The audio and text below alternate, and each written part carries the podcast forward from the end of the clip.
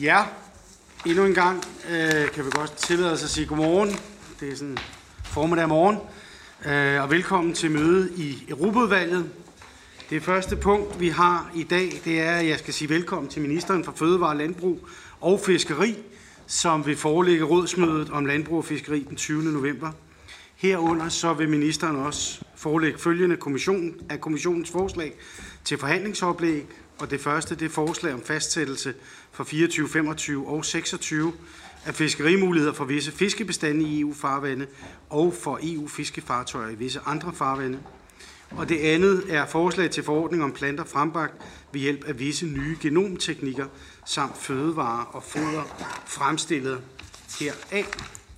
Og øh, jeg tror, vi tager forhandlingsoplæggene hver for sig i forhold til, til debatten. Det har vi lidt erfaringer med, at det fungerer bedst. Men ellers så er ordet dit, minister. Værsgo. Ja, mange tak øh, for det, formand. Øhm, tak for invitationen. Og jeg vil øh, forelægge dagsordenen for rådsmødet for Landbrug Fiskeri her den øh, 20. november 2023, hvor punkt 1 er om fiskerimulighederne i Nordsøen, Skagerak og i Kattegat for 2024, og hvor punkt 4 om øh, de nye genomteknikker forelægges til øh, forhandlingsoplæg. Og de andre punkter, det er så til orientering. Men som sagt øh, handler punkt 1 om fiskerimulighederne i Nordsøen, Skagerak og Kattegat til næste år. Og forslaget omfatter både EU-bestanden og bestanden, som vi forvalter sammen med tredje lande. Det er igen i år forventningen, at forhandlingerne ikke mindst med Norge og UK er kompliceret, og det er jo heller ikke blevet lettere efter øh, Brexit, øh, og det spørger jo så stadigvæk øh, i forhandlingslokalet. Torsk i øh, Nordsøen og Skagerak, det er en af de bestande, som øh, forvaltes med, med Norge og med UK. De er i år vanskeliggjort af, at rådgivningen for øh, torskebestanden er blevet ændret øh, grundlæggende, i det øh, bestanden nu bliver splittet op i tre delområder. Sild forvaltes også med Norge og UK, og vi arbejder for en stor del af kvoterne i Skagerrak og Kattegat fortsat kan fiskes i Nordsøen. Hvis det ikke lykkes at opnå enighed om kvoterne rettidigt med Norge og UK, så er det vigtigt, at EU fastsætter forløbige fiskerimuligheder. Der er også svære forhandlinger internt i EU. For torsk i Kattegat der er det vigtigt, at bestanden øh, genopbygges, og samtidig skal der fortsat være en bifangskvote på et niveau, så der kan finde andre fiskerier sted på andre arter. De supplerende øh, foranstaltninger bør desuden øh, videreføres. Den europæiske ålebestand er i en dårlig forfatning, og som noget nyt øh, er der mulighed for, at øh, medlemsstaterne af socioøkonomiske hensyn kan tillade fiskeri efter ål i 30 dage i lukkeperioden. Omkring Østersøen, Skagerak og Kattegat, der kræves det dog, at de relevante øh, medlemsstater bliver enige om perioden, og der vil fortsat være forbud mod rekreativt ålefiskeri. Der er mange faktorer, som påvirker øh, ålbestanden, og det er de samlede tiltag øh, på EU-niveau, der har betydning, og derfor bør øh, genopretningen ske ved en revision af EU's øh, åleforordning.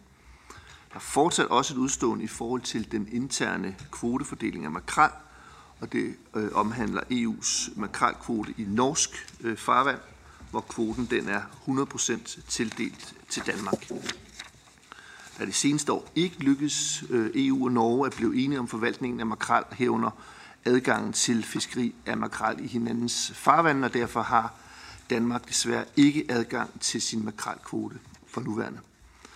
Jeg prioriterer højt, at vi finder en løsning på det her problem, og det haster med at finde en løsning for 2023, men vi skal også finde en mere øh, langsigtet løsning, og der er det vigtigt, at den relative stabilitet i kvotefordelingerne internt i EU opretholdes. Regeringens forhandlingsoplæg går derfor ud på, at man fra dansk side tilslutter sig et kompromisforslag, der sikrer at en samlet afbalanceret løsning, i det man lægger stor vægt på, at fiskerimulighederne som et generelt princip øh, fastsættes på grundlag af den videnskabelige rådgivning, målsætning om maksimal bæredygtig udbytte og forvaltningsplaner øh, og strategier at konsultationer med Norge og UK afsluttes rettidigt i 2023 med afbalancerede aftaler, og at reel adgang til britisk farvand opretholdes. at EU ved manglende aftaler med Norge og UK fastsætter forløbige fiskerimuligheder for 2024, at relativ stabilitet opretholdes ved den interne fordeling af fiskerimulighederne herunder for makrel og sild, og for makrel specifikt på linje med forhandlingsoplægget på øh, intern fordeling af makrel for 2022, også i forhold til en langsigtet løsning. Og at danske fiskeriinteresser varetages bedst muligt ved fordelingen af nye fiskerimuligheder. Og fra dansk side lægger man en videre vægt på, at øh, kvoten for torsk i Kattegat fastsættes som bifangskvote på et niveau, der indebærer, at fiskeri efter andre arter fortsat kan finde sted under landingsforpligtelsen. At der for torsk i Nordsøen skærerak ved kvotefastlæggelsen tages hensyn til bestandssituationen for delbestandene i en grundlæggende ny øh, rådgivning. At supplerende tiltag er målrettet og afbalanceret og tager højde for bestandssituationen. At der fastsættes ambitiøse EU-foranstaltninger for ål, der skal knytte sig til alle ålens livsstadier, alle habitatområder og alle de faktorer, der påvirker ålebestanden. Man lægger i den sammenhæng også vægt på, at EU's åleforordning revideres, og at der findes praktiske løsninger i forhold til håndteringen af særlige udfordringer ved implementering af landingsforpligtelsen i forhold til bifangster, som er begrænset for andet fiskeri. Og jeg går nu videre til punkt 4, som omhandler forslag om regulering af nye genomteknikker i forhold til planter. Tage? Skal vi tage det? Ja, jeg, jeg tror, det, det Skal vi tage én ting ad gangen? Ja, lad os tage, tage den første. Skal vi så stoppe her? Så den ligger sådan. Ja, hvis det er okay. Og der har altså to andre orienteringspunkter, dem tager vi så til slut. tager vi så. Det gør kan vi. godt tage sammen med forhandlingsoplæg. Modtaget. Så stopper jeg her. Godt, super. Tak for det. Den første Peter mod Alex Hansen. Tak. Jeg har et spørgsmål, jeg altid vender tilbage til, når jeg har ministeren, der er ansvarlig for fiskeri her i Europaudvalget, og det er jo øh, sagen vedrørende bumtråleri, altså B-O-M, ikke bund, men bumtråleri. Især de hollandske, som jo fisker i danske farvand. Det har de lov til, men det er en ekstrem fangstmetode, som overhovedet ikke på nogen måde er bæredygtig, og som øh, ødelægger øh, fiskeribestanden på mange måder. Så mit spørgsmål til ministeren er, hvad vil øh, han gøre for, at øh, det bliver forbudt, at vi kommer bumptråleriet til, til livs. Øh, det vil også være til gavn for dansk fiskeri, at de ikke skal konkurrere med de så voldsomme fangstmetoder fra blandt andet hollandske øh, bumtråler. Ja tak. Therese Skavinius. Ja, tak. Øhm, øhm, fiskeripolitik handler om det her med genopretning af fiskebestandene i de europæiske farvande. Øhm, kan vi sige noget generelt om det? For det er jo også det, der er meget vigtigt i forhold til at forstå, hvorfor at vi skal blive ved med at tillade bifangst, og for eksempel vi ikke skal, øh, altså der er de specifikke arter, ikke? men altså den generelle status er også ret vigtigt at have, høre ministerens vurdering af og holdning til. Fordi at det, der vi jo skal have ifølge EU-retten, er en økobaseret tilgang, og derfor skal vi lytte til de videnskabelige redegørelser for, hvad for nogle fiskebestande vi skal have. Øh, og her undrer det mig virkelig, at vi så fortsætter med at øh, opretholde noget ålefiskeri, når de siger netop, at det burde forbydes. Øh, ministeren nævner det her med, at det er så de socioøkonomiske hensyn, der skal veje tungt. Men, men øh, i en økobaseret tilgang, så handler det om, hvad der foregår nede i havet, og ikke hvad der foregår op på land. Øh, det må vi, have, må vi så have andre politikker for, landstrikspolitik eller andre ting. Øh, så, så kan ministeren forklare, hvorfor at vi ikke skal stoppe ud fra den her økobaserede tilgang med ål, og i forhold til torsk, øhm, så handler det jo netop meget, det er også det, der bliver nævnt herfra øh, tidligere, det er det her med, det er jo fordi, vi har nogle meget store, øh, effektive måder at fiske på, og det gør jo så, at der bliver fisket alt, i stedet for hvis man havde nogle mere skånsomme metoder. Så, øh, og det kan jeg også se, at man har fiskeripolitikken i syd, altså i forhold til Middelhavet, der kan man godt finde ud af at lave nogle tekniske begrænsninger i forhold til at have nogle mindre effektive støvsugemaskiner nede på havbunden. Øh, så hvor, at, kunne vi ikke fra den side af også øh, arbejde for det, sådan at vi faktisk kunne have noget bæredygtigt fiskeri og øh, havmiljø fremadrettet? Ja, minister. Tak øh, for øh, to gode spørgsmål og kommentarer. Først til Alex Arnsen i forhold til bumtrål. Øh, det er sådan, at øh, det er jo, øh, kan man sige, EU-reguleret i den forstand, at vi også skal kunne vise, øh, hvad det er så for en negativ påvirkning, som øh, der også bliver efterspurgt. Og der er vi så i gang med et projekt op i Jammerbugt, som skulle netop dokumentere, i givet fald en sådan negativ effekt, og der vil jeg af god grund ikke konkludere på forhånd, men forventningen er, at det projekt det er færdigt og har konklusionerne klar umiddelbart i det nye år, altså i Q1 2024. Og når de øh, konklusioner ligger, øh, øh, igen uden at jeg konkluderer på forhånd, hvad de så måtte vise, så vil jeg tage de konklusioner til, øh, til, øh, med til EU øh, og til rådet og sige, øh, det her det er så øh, det, som den videnskabelige, altså projektet, det øh, kan vise af påvirkninger, i givet fald negativt, at det selvfølgelig så også skal have den tilsvarende konsekvens i forhold til øh, fortsat eller ikke fortsat øh, fiskerimulighed med bumtrål. Så det er, øh, det er rytmen, øh, så det er noget, vi kommer til at se øh, straks i det nye år. Og det ser jeg faktisk frem til, fordi øh, det er også de samme meldinger, jeg hører selvfølgelig, at øh, der er nogle udfordringer her. Til Therese Skvinius, øh, i forhold til øh, generel status, at man kan sige, at det afhænger jo meget af, hvorhen øh, og hvilke arter vi kigger. Øh, fordi tingene er ikke heller ikke i fiskeriet sort eller hvidt. Øh, det hører jeg heller ikke, øh, at du siger. Men, men der er meget stor forskel på øh, inden for de forskellige områder, de forskellige delområder, de forskellige arter, øh, om arterne de har det godt, om de er i fremgang, og det er der heldigvis en del arter, en hel del arter i øvrigt, der er.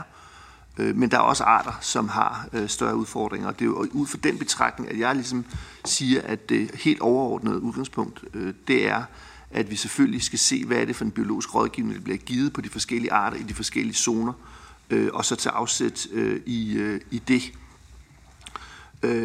konkret i forhold til ål, der er også her forskel, kan man sige, mellem hvad det er, vi kigger på, om det er Øh, ål saltvand eller ål ferskvand, øh, og der tænker jeg også, at det er godt, at man netop ser det, og det er også det, jeg øh, sagde i min, min tale, at øh, der er mange forskellige presfaktorer, øh, som gør, at, øh, at ålen øh, kan være udfordret.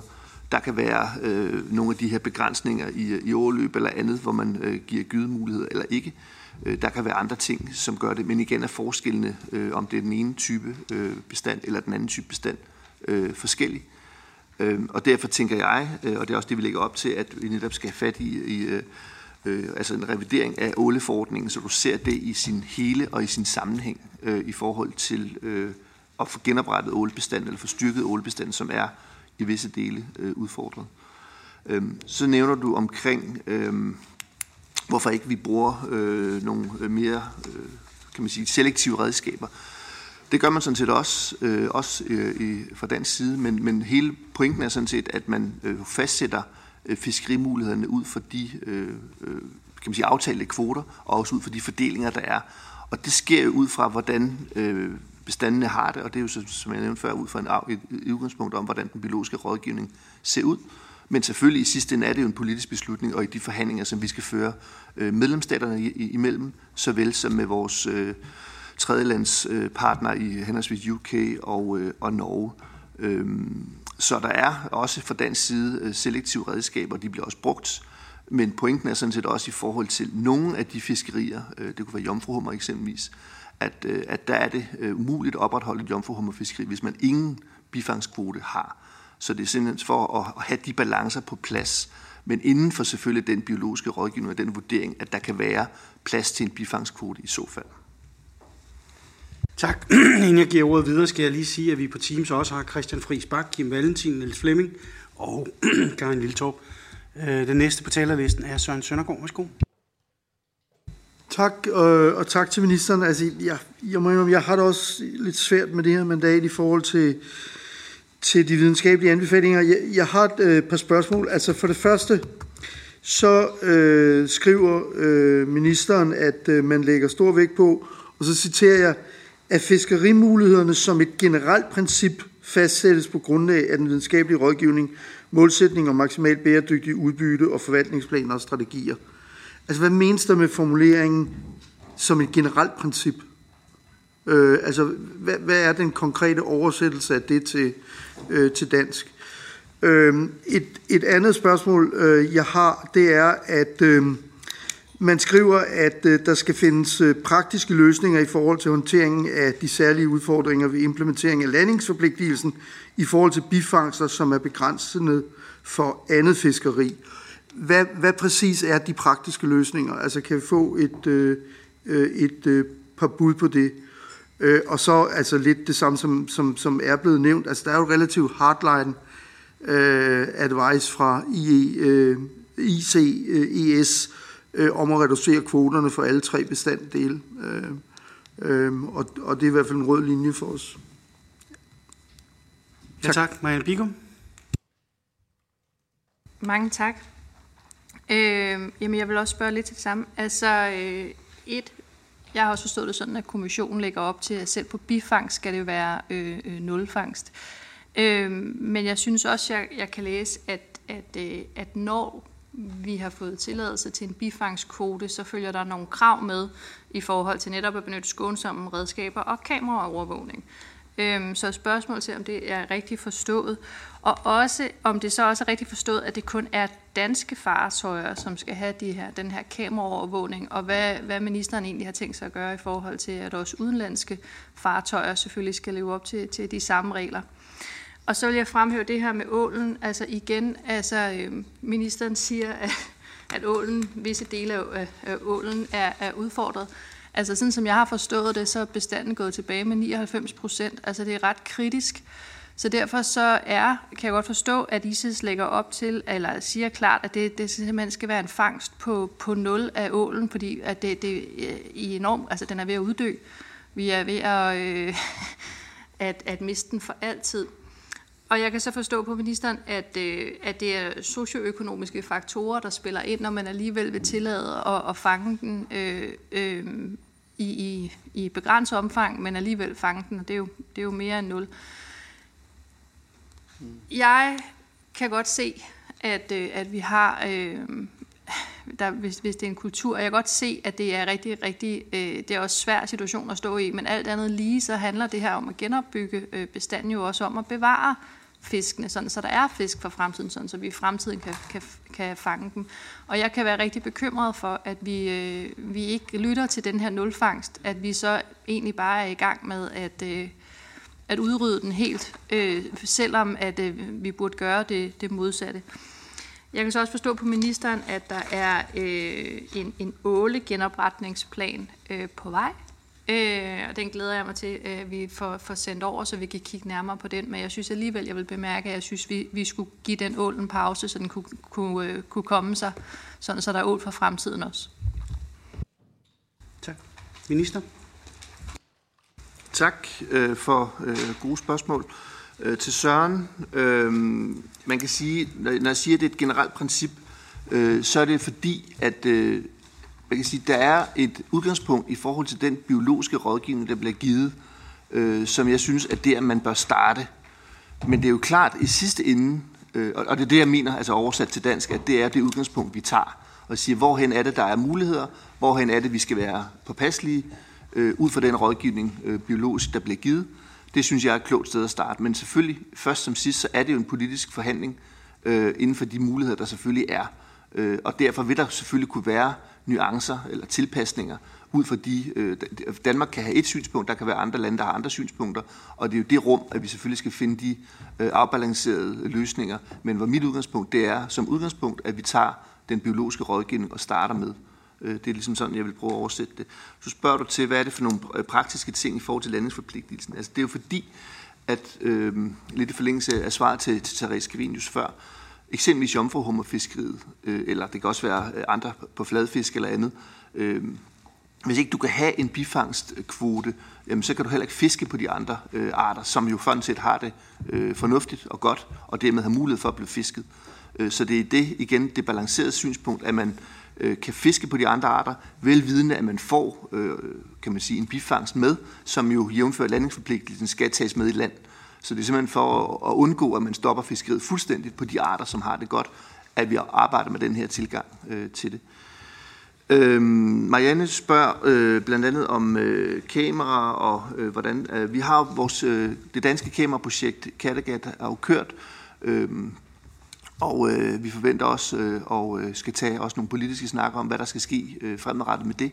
Det har jo været et projekt øh, og der kommer også øh, tilbagemeldinger på hvordan erfaringerne har været. Øh, og det er, jo, det er jo en politisk afvejning selvfølgelig, fordi det siger sig selv, at jo mere man står og kigger ned på, hvad der kommer ind, eller hvad der ikke bliver smidt ud, øh, jo renere kan fiskeriet, eller jo mere i går sådan korrekt øh, bliver fiskeriet i forhold til, hvad der kommer med. Øh, overfor det er der selvfølgelig øh, hele diskussionen om, hvor meget man vil overvåge forskellige øh, erhverv. Så det er jo det spænd, at vi skal finde ud af, hvordan løsningen fremadrettet skal se ud. Men det er et projekt, der går på danske, øh, øh, danske både, som vi så også får en, en, en politisk snak om øh, her øh, om, om relativt kort tid. Øhm, der bliver spurgt også fra Mariannes side omkring øh, ål, øh, og, og det var lidt inde på det, som, som jeg sagde før til øh, øhm, Therese. Men øh, det er sådan, at, øh, øh, og du har jo ret, altså der er en, en, øh, en rådgivning, som, som du refererer til, men øh, det jeg siger, det er, at der er mange forskellige presfaktorer, som øh, påvirker ålen, og der vil jeg bare gerne samlet set se, øh, at vi gør øh, det, som øh, kan, kan man sige, genoprette ålen, øh, Øh, og, øh, og derfor handler det om for mig at se, som netop øh, jeg nævnte, en, en samlet tilgang til øh, de, øh, de muligheder, som vi har øh, for at, øh, at øh, kigge på de nationale forvaltningsplaner, som, som vi har. Øh, I øvrigt øh, en forvaltningsplan, som øh, kommissionen tilbage, det er selvfølgelig nogle år siden, i 2009 øh, godkendte, men som vi så, øh, som øh, jeg også i anden sammenhæng har nævnt, er under revision, øh, sådan at vi netop får kigget på de her presfaktorer i en sammenhæng. Og det omfatter blandt andet, øh, kan man sige, ud over reduktionen af eller tilgang til fiskeri af ål i, i salvand, henholdsvis ferskvand, øh, blandt andet også øh, generelt habitatsforbedringer. Øh, øh, det kunne være fjernelse af spærringer, øh, det kunne være vandløbsrestaureringer. Øh, det kunne også være øh, regulering på skav, øh, sæl, som vi jo har nogle øh, andre udfordringer med, øh, både på ål, men sådan set også på andre. Det kunne også handle om, om udsætning af ål. Alt sammen noget, der samlet set skulle bringe ålen i en bedre tilstand, end den er i dag. Så det skulle være øh, bemærkningerne til det. Tak. Tak. Teresa? Øh, ja, hvad hedder det? Jeg kan desværre ikke støtte mandatet. Jeg synes ikke, at ministeren tager det alvorligt nok, øh, den her biologiske og økobaserede tilgang, øh, og den kritik, der er, øh, og den balance, der bliver lagt, øh, vægtes forkert. Men jeg har bare lige to øh, ekstra spørgsmål. Det indgår faktisk også på det med videoovervågningen, fordi der har været det her projekt, men, men hvis vi ved, at der, vi har udfordringer med at monitorere det, vil ministeren så arbejde for, at al, alle skibe skal, skal have den her monitorering, for at sørge for, at bifangsten ikke bliver for stor? Og så det sidste spørgsmål, det er det her med, der bliver nævnt, at øh, der er åbnet, åben for, at vi kan lave sådan nogle lukkeperioder i forhold til ålefangsten. Og, øh, og der står så i materialet, der har ministeriet ikke fundet ud af endnu, hvornår det skal ligge, og det afhænger også lidt af, at der er nogle forskellige erhvervsøkonomiske interesser indenover.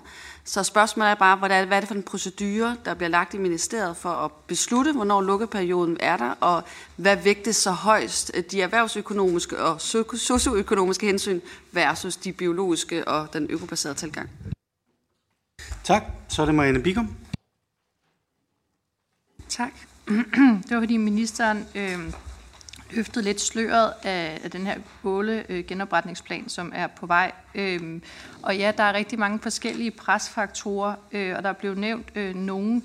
Men ved noget af det, som øh, ministeren også øh, har med i sin reviderede åle genopretningsplan, være at, øh, at genslynge alle de her øh, åer, som er blevet øh, rettet ud, sådan så vi kunne øh, optimere øh, landbrugsjord. Øh, at, vil det også indgå i, øh, i ministerens plan? Minister? Til Therese, øh, øh, kamera, øh, det øh, har jeg ikke taget stilling til øh, endnu. Øh, vi har fået øh, det her projekt, som har været kørt. Øh, der øh, bliver meldt nogle erfaringer ind øh, derfra, og som jeg prøvede at øh, indikere før, altså det, det er jo også en politisk afvejning af, øh, hvor meget overvågning du vil tillade over for øh, den effekt, det i givet fald måtte have, og hvad er alternativerne. Øh, fordi der vil jo også være alternativer i øvrigt jævnfører det, som også... Øh, øh jeg men det var Søren, der spurgte til altså selektive redskaber, eller også var det en af de andre, det kan jeg ikke huske. Men altså, det var den her diskussion om, kan man bruge nogle andre selektive redskaber? Øh, kan der være andre muligheder for at opnå det, vi gerne vil, nemlig at have det renest mulige fiskeri øh, med mindst mulig øh, udsmid? For det er jo sådan set det, der er hele pointen. Men, men det øh, har jeg ikke taget stilling til endnu, men det kommer vi til at gøre øh, relativt snart. Øh, i forhold til øh, lukkeperioder og øh, de øh, 30 dage, som der bliver spurgt til, øh, der har kommissionen øh, ligesom øh, sidste år, øh, som, som jeg også nævnte, foreslået øh, en øh, 6 måneders øh, lukkeperiode i øh, saltvand, øh, mens øh, ålen så øh, vandrer mod Saragossa-havet øh, for at, øh, at gyde der. Øh, og øh, lukperioden skal være i øh, perioden mellem øh, april, altså 1. april 24 og til 31. marts øh, 25. Det er dog øh, sådan, at der er en mulighed for, at man netop, som jeg nævnte, af socioøkonomiske hensyn kan tillade fiskeri i en sammenhængende periode på 30 dage i, øh, i vandringsperioden. Øh, så det er inden for det spænd, at vi øh, lægger op til, at det kan være en mulighed af hensyn til at bevare øh, fiskeriet, men samtidig også at gentage det, jeg svarede før, at vi samlet set skal se på ålens fremgang med de forskellige andre øh, hvad hedder det, presfaktorer, øh, som, som der vil være en del af det her. Og det kan man måske også tillade sig at sige, at øh, i forhold til øh, fiskeri øh, på øh, salvandsålen, øh, jamen der er det øh, sådan, at det kun er omkring 3 procent, som stammer fra, øh, altså den 3 procent af den totale øh, dødelighed, stammer fra fiskeriet, hvor andre øh, faktorer spiller en langt, langt større øh, øh del af, af udfordringen. Øh, Øhm, og det ligger lidt også i forlængelse af det, som øh, Marianne øh, spørger til. Øh, det kan indgå, øh, det som øh, du nævner, øh, men om det er realistisk, øh, at, at åleplanen sådan alene står for genopretningen øh, af, af vandløb, det er måske så meget sagt. Men det er klart, at vi bliver nødt til at kigge på, og også ud igen derfor, hvad er det for en vurdering, og hvad er det for nogle effekter, der giver den største eff- positive effekt, men selvfølgelig inden for den økonomi, der selvfølgelig altid følger med. Øh, der vil jeg i hvert fald være opmærksom på, hvad er det så for nogle muligheder, vi har. Bare for at sige, at vi er i gang med at revurdere på den øh, åleforhandlingsplan, som øh, jeg synes er vigtig, og som jeg meget gerne også øh, vender tilbage med øh, her i udvalget, og også i andre udvalg, der er relevante, for netop også at se, hvad er det så for nogle elementer, vi kan øh, opdatere, sådan at den øh, plan, der ligger tilbage, og kommissionsgodkendt tilbage fra, tror det var 2009, at den så får en, øh, en opdatering øh, med de nye øh, forhold, der er gældende for ålen. Tak. Jeg kan se, der er en hånd fra Christian Friis Bak. Værsgo, Christian. Jamen, det var bare, altså, jeg vil tilslutte mig de her bemærkninger, der er faldet omkring øh, forvaltningen af ålebestanden og den kritiske tilgang til det, men generelt tilslutter vi os øh, regeringsmandat. Men, øh, men godt at høre ministerens engagement i sagen, og, og, og, og der er behov for at gøre mere. Tak for det. Selv tak. Det var mere en bemærkning, tror jeg. Det tager vi med. Godt. Der er ikke flere, der har øh, ønsket ordet, så jeg kan konstatere, at der er ikke et flertal imod regeringens forhandlingsoplæg i det, sagde jeg for? Der er ikke et, et flertal imod regeringens forhandlingsoplæg i det, at øh, det kun er uden for grupperne, og enhedslisten og SF.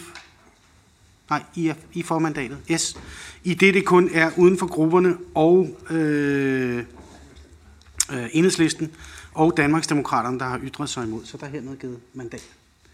Så er vi klar til at gå videre til næste forhandlingsoplæg. Værsgo, minister. Jamen tak øh, for det, og det er øh, i dagsordenen så punkt 4, som øh, omhandler forslag om regulering af nye genomteknikker i forhold til planter.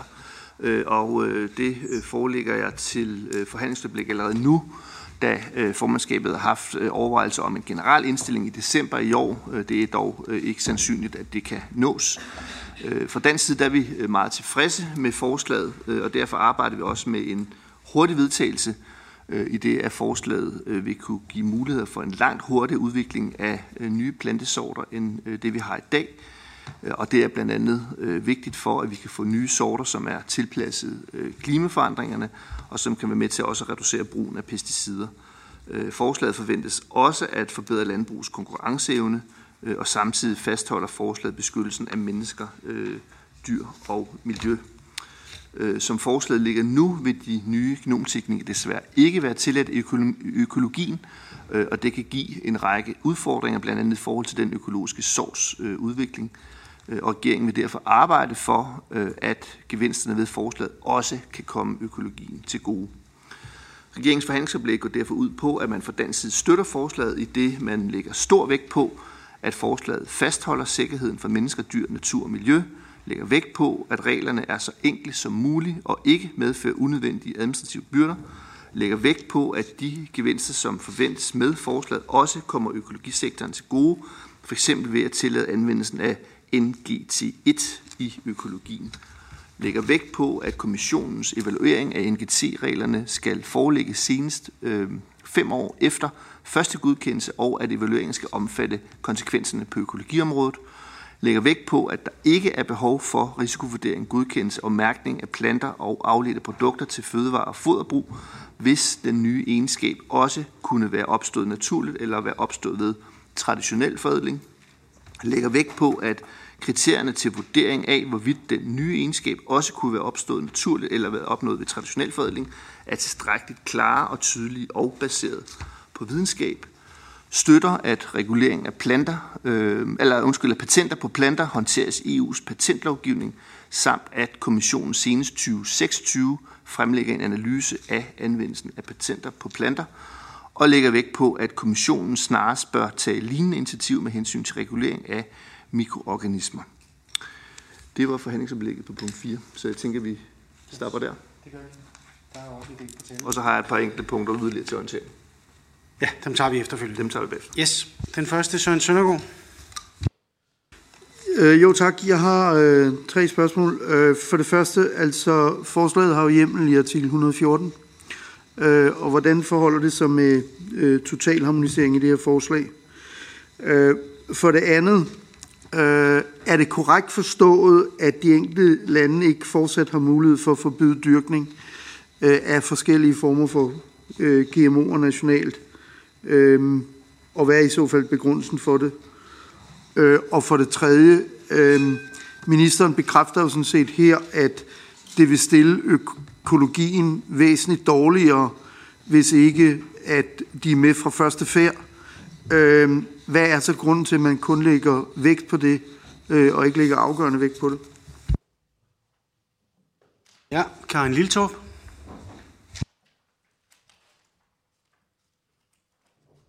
Tak for det. Der var jeg. Øh, jeg, øh, vi støtter naturligvis mandatet, men jeg er meget interesseret i det her med mikroorganismer, øh, fordi det ved jeg jo kunne blive en kæmpe sag for Danmark. Øh, og, og Novozymes vil jo rigtig gerne have, at vi, vi rykker hurtigt på den her dagsorden.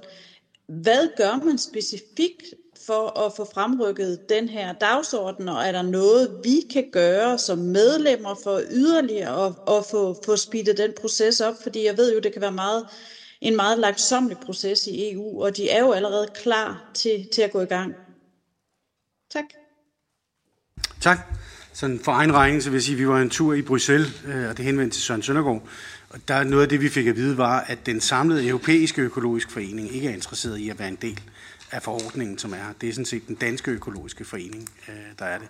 Bare lige til, til, til orientering. Men ellers så er det ministeren, der selvfølgelig skal svare. Jeg synes, det var et rigtig godt svar, for det ville jeg nemlig også have sagt. Som en del af svaret. Men det vender vi tilbage til. Så må du gentage Ja, det skal jeg i hvert fald gøre, det kan du tro.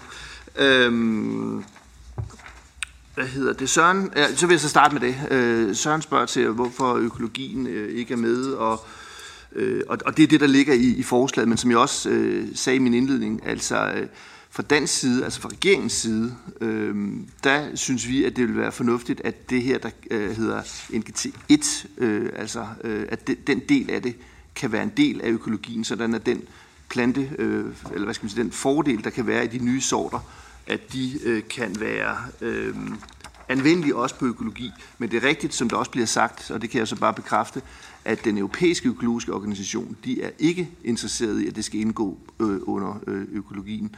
Øh, der er nogle nuancer i forhold til, hvordan den danske økologiske forening ser det. Øh, jeg er ikke helt sikker på, om der er kommet en officiel tilkendegivelse, men i hvert fald min fornemmelse er, at der er nogle nuancer i de øh, forhold. Og det gør i hvert fald, at jeg, som jeg ser det, og det vil sige regeringen, at vi vil arbejde for, at det kommer med, men om det kan være øh, muligt. Øh, jeg noterer mig i hvert fald, at der er andre medlemslande, også nogle store medlemslande, også nogle, der ligger lige syd for grænsen, at de er øh, ret skeptiske i forhold til det her af forskellige årsager. Men, men det er bare for øh, at præcisere den danske position, det er, at vi er øh, positive for, at det kan komme med og arbejder også øh, for det. Øhm, i forhold til, øh, hvad de enkelte lande kan, øh, jeg tror, det er vigtigt her, at vi også skiller øh, ad i forhold til øh, GMO og NGT.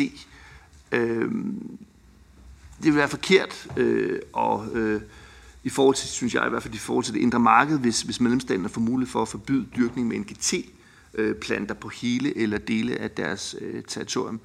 Øh, for jeg tror faktisk, at, øh, og det er også det, vi får øh, meldinger om, og det er også derfor, vi støtter forslaget, at NGT øh, faktisk kan være med til at fremme øh, bæredygtighedsmålene øh, på EU-plan. øh, og der skal man skille det ad. NGT er ikke GMO, altså det er øh, to forskellige ting.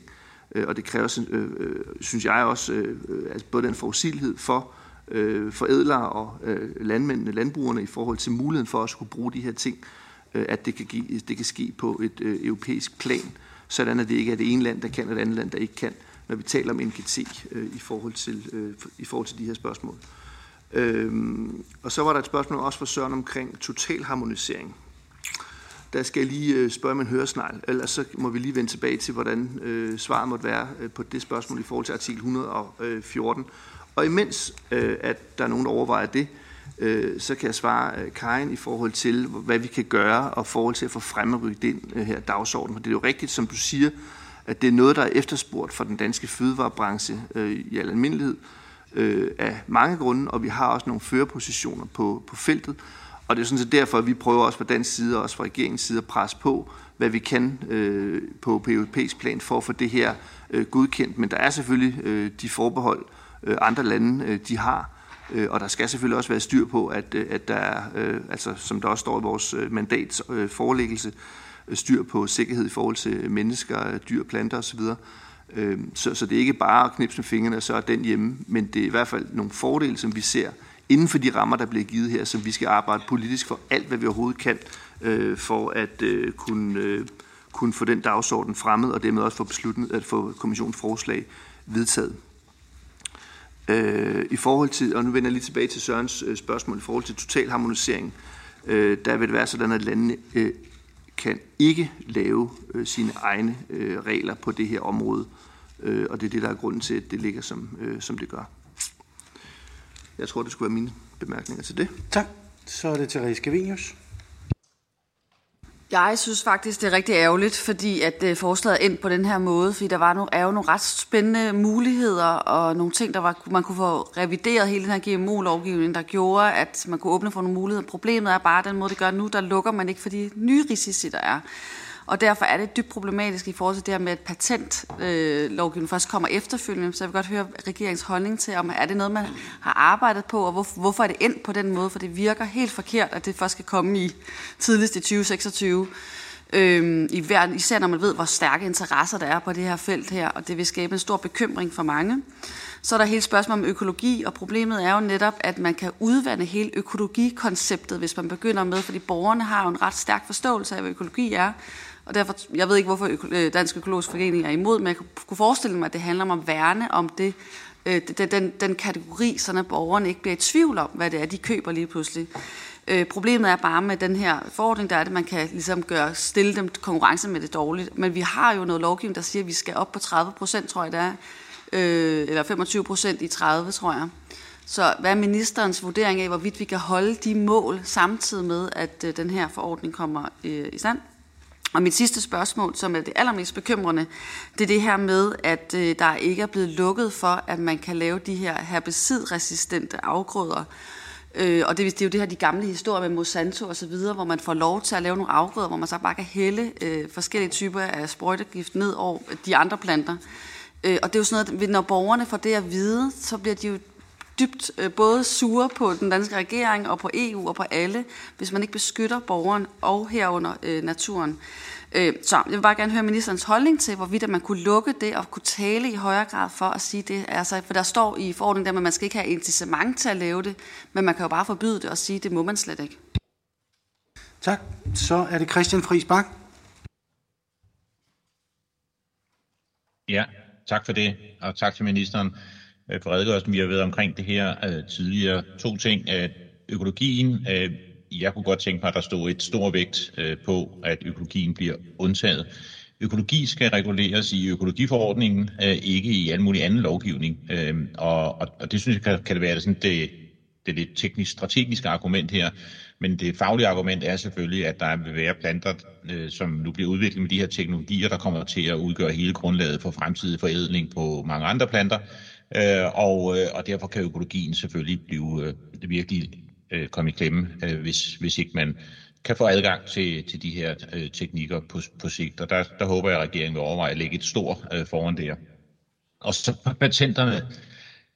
Altså man kan sige, at den eksisterende lovgivning er jo sådan set okay. Man kan ikke tage patenter på planter, med mindre de er blevet genetisk modificeret. Men det, der sker, er jo, at der desværre er opstået sådan en glidebane, og jeg vil sige, Øh, min fornemmelse er også, at der er brug for at holde øh, Patent- og Varemærkestyrelsen herhjemme i lidt øh, kortere politisk snor på det her spørgsmål. For der er en glidebane, hvor man begynder, ligesom i en række tilfælde, ikke helt at sondre mellem, hvorvidt der faktisk er sket en genetisk modificering, som kan bane vejen for patenter, hvilket jeg så i øvrigt øh, også er imod, men det er dog det, lovgivningen siger, eller det bare er øh, modificeringer, der er lavet med de her mere avancerede tekniske metoder. Og der er sket en glidebane, hvor man sådan begynder ligesom, at patenterne sniger sig ind flere og flere steder. Og derfor kunne jeg godt tænke mig, at, øh, at man i mandatet her også lagde vægt, altså, altså vægt på, at der ikke sker en udvandring øh, af, altså at, at ikke patent øh, øh, på planter øh, kommer til på en uhensigtsmæssig måde at brede sig øh, til flere planter på baggrund af, af den her forordning, og man derfor går mere stærkt ind og lægger vægt på, øh, øh på patentspørgsmålet. Øh, øh, fordi det er uheldigt, hvis patenterne med de her teknikker lige pludselig kommer til at brede sig ud over hele plantemassen. Det er jo langvarige patenter, det vil virkelig hæmme øh, den videre, det kan hæmme den videre forædling, det kan, altså den her forædlers privilege, øh, som man jo ellers har haft, det kan blokere for det, og, og dermed øh, både ramme landmændene og ramme hele innovationen i, i sektoren, hvis patenterne for alvor forfatter. Det må de ikke. Øh, og der er en glidebane, så kan ministeren både lægge lidt mere vægt på det i mandatet, og øh, måske lige også herhjemme kigge lidt på, om vi skal holde Patent- og Varemærkestyrelsen i lidt kortere snor på det spørgsmål. Tak. tak. Minister. Tak øh, for øh, bemærkningerne. Øh, Therese spørger også Christian øh, Frisbak her i sidste omgang omkring øh, patenter og hvordan øh, vi forholder os øh, til det. Øh, altså patenter er ikke en del af forslaget.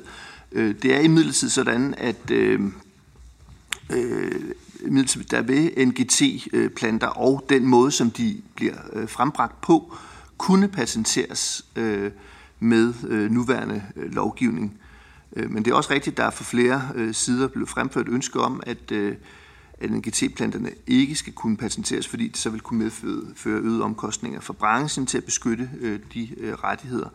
Øh, kommissionen har også øh, derfor i gang sat en undersøgelse af forholdet øh, mellem NGT-planter øh, øh, og øh, patenter, og som jeg nævnte, så vil det være en, øh, en, øh, en undersøgelse, der ligger klar i, øh, i 2026.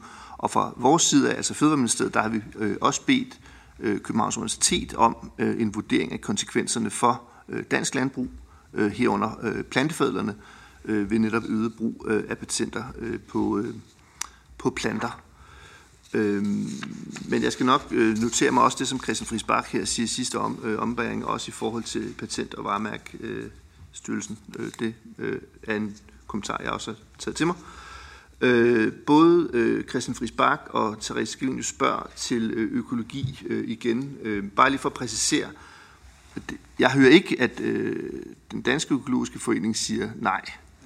Øh, de siger tvar, øh, jeg ved ikke, om de siger det officielt, men de vil i hvert fald ikke være ude og sige, at de ikke støtter det. Øh, de vil sådan set godt arbejde med, at det her det er en mulighed for økologien. Øh, men det er den europæiske organisation, der officielt har sagt, altså den europæiske økologiske organisation, der officielt har sagt, at de vil ikke være en del af det. Øh, Øh, og det er derfor, det selvfølgelig er lidt vanskeligt at så skulle forhandle noget ind imod, altså som skulle være en fordel for dem, imod det, de egentlig selv ønsker, i hvert fald på det europæiske niveau. Øh, men ikke desto mindre mener jeg, og vi mener regeringen, at det vil være en fordel, øh, også for, for dansk økologi, og dermed de muligheder, vi har i øh, dansk økologi, at det kunne blive en mulighed at, at, at have det med, og det er derfor, vi lægger det ind som en del af vores, øh, vores mandat, som vi forsøger at, at, at tage med og arbejde ud øh, fra. Øhm, Therese spørger også i forhold til herbicider, øh, hvordan øh, vi tænker øh, det, og hvordan det kan blive håndteret. Øh, og der øh, er det sådan, at vi faktisk med forslaget ønsker øh, at kunne øh, udvikle øh, også øh, bedre og mere bæredygtige planter. Øh, det indebærer ikke nødvendigvis øh, herbicidtolerance, altså øh, dem, der så kan være tolerant over for de her øh, ukrudtsmidler, men det øh, muliggør en udvikling øh, af øh, herbicidtolerante planter, både i det, der hedder kategori, altså i, i første kategori 1 øh, NGT og i kategori 2 NGT. Øh, forslaget det, øh, fremfører dog også en række lovgivningsmæssige incitamenter i forbindelse med øh, godkendelse af kategori 2 NGT, øh, og det er her en forudsætning, at NGT-planten ikke er øh, herbicid-tolerant. Øh, ja, jeg tror, det var nogenlunde, hvad jeg kunne tænke mig her. Tak. Så er det Søren Søndergaard. Værsgo. Jo tak. Altså nu øh, gik jeg overhovedet ikke ind i en diskussion om forskellen mellem europæiske økologer, danske økologer, hvad ved jeg. Jeg forholdt mig udelukkende til, hvad ministeren selv sagde. Og det ministeren selv sagde, som jeg sådan set er enig i, det er, at hvis man går ind på den her tankegang, så vil det betyde et problem for økologerne, hvis ikke de er med fra starten. Det var det, jeg sagde. Og derfor så spurgte jeg, hvad er så grunden til, at man bare lægger vægt på, at de skal med? Det er da underligt. Så skulle man jo i det mindste lægge stor vægt, eller afgørende vægt på det, hvis man vil økologien. Økologien, altså ud fra det synspunkt, ministeren har, jeg forholder mig ikke til, om det er rigtigt eller forkert, men ud fra det synspunkt, ministeren har, der er den eneste logiske følge, hvis man vil økologien, at man lægger afgørende vægt på det. Ellers siger man, at man ikke lægger så meget vægt på økologien, fordi man erkender, at det betyder, at økologien kommer i en dårligere konkurrencesituation. Det kunne jeg godt tænke mig spørgsmål om, eller spørg, svar på. Så er det andet spørgsmål. Altså, jeg vil ikke gå ind i den der semantiske diskussion. Det er vel et genmodificeret øh, øh altså objekt, er det ikke? Altså, det vi snakker om her. Det, det behandles i hvert fald under GMO-lovgivningen, så det går jeg ud fra, det er. Men vi kan godt bruge, lad være med at sige, det er en GMO-art, men, vi, men bruge det, øh, den, øh, den anden betegnelse, som, som gives. Det, det er fint for mig. Altså, NGT, det er helt i orden. Men det, man skriver i samlenotatet, det er, Forslaget lægger op til, at hverken kategori 1 eller kategori 2 NGT-planter vil være omfattet af reglen om geografisk dyrkningsundtagelse, som findes i den nuværende regulering, jævnfør udsætningsdirektivets artikel 26b, og som giver medlemsstaterne mulighed for at forbyde dyrkning af godkendt GMO på hele eller dele af deres territorium. I dag har vi altså en regel, der giver den mulighed. Mit spørgsmål var bare, hvorfor skal den mulighed ikke fortsætte? Hvad er det, der er så specielt ved lige præcis det her, der gør, at Østrig, eller hvem det nu kunne være, ikke kan få lov til at have det samme, som man har med traditionelle GMO'er? Hvad er begrundelsen? Minister? Ja.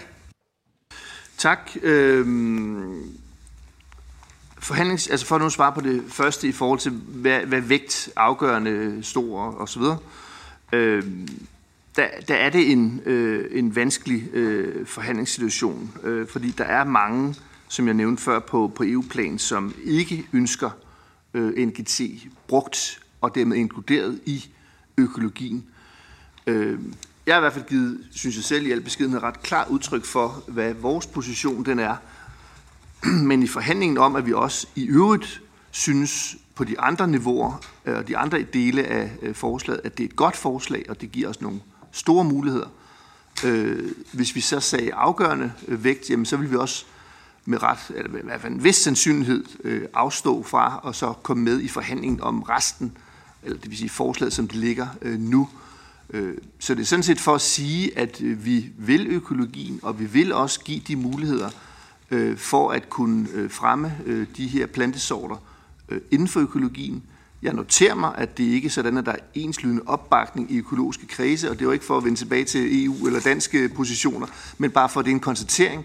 Øh, men fra vores side af, og også den dialog, jeg har med øh, økologer, at der vil det være en god idé, men vi vil heller ikke afstå fra at så gå ind i forhandlingsrummet, hvis vi lagde afgørende vægt på det med de øh, mange øh, lande, eller de nogle lande herunder, øh, nogle store lande, som øh, er øh, skeptiske, som det ser ud øh, nu.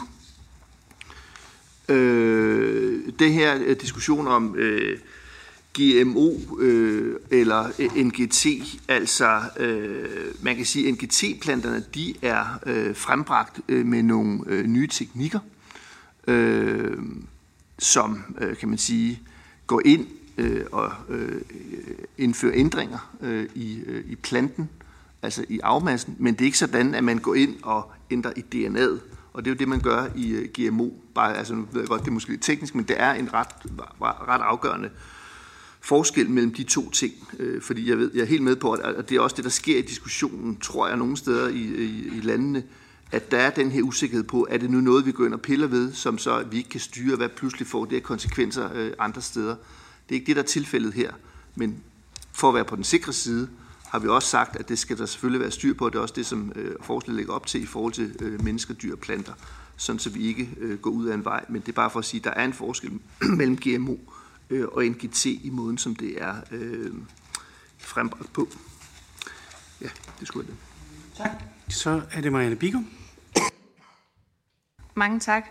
Øh, jeg tænker, altså baggrunden for, at vi står med det her øh, forslag i dag, det er jo også, at vi kigger ind i, øh, i, en, øh, i en nær fremtid med alvorlige klimaforandringer, som vil gøre det meget, meget vanskeligt at dyrke fødevarer.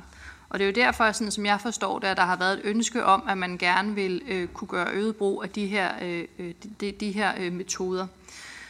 Øh, og ja, der er forskel på, på gener og DNA, og det, som, øh, som vi forstod, da vi var i, øh, i parlamentet og fik en, en, en en faglig snak om det, var også, at det, der var lidt udfordrende med den, den nuværende lovgivning, som simpelthen gjorde den, eller den nuværende GMO-lovgivning lige præcis på den her teknologi, er, at den ikke kan gå ind og præcis sige, hvordan en ændring er blevet opnået.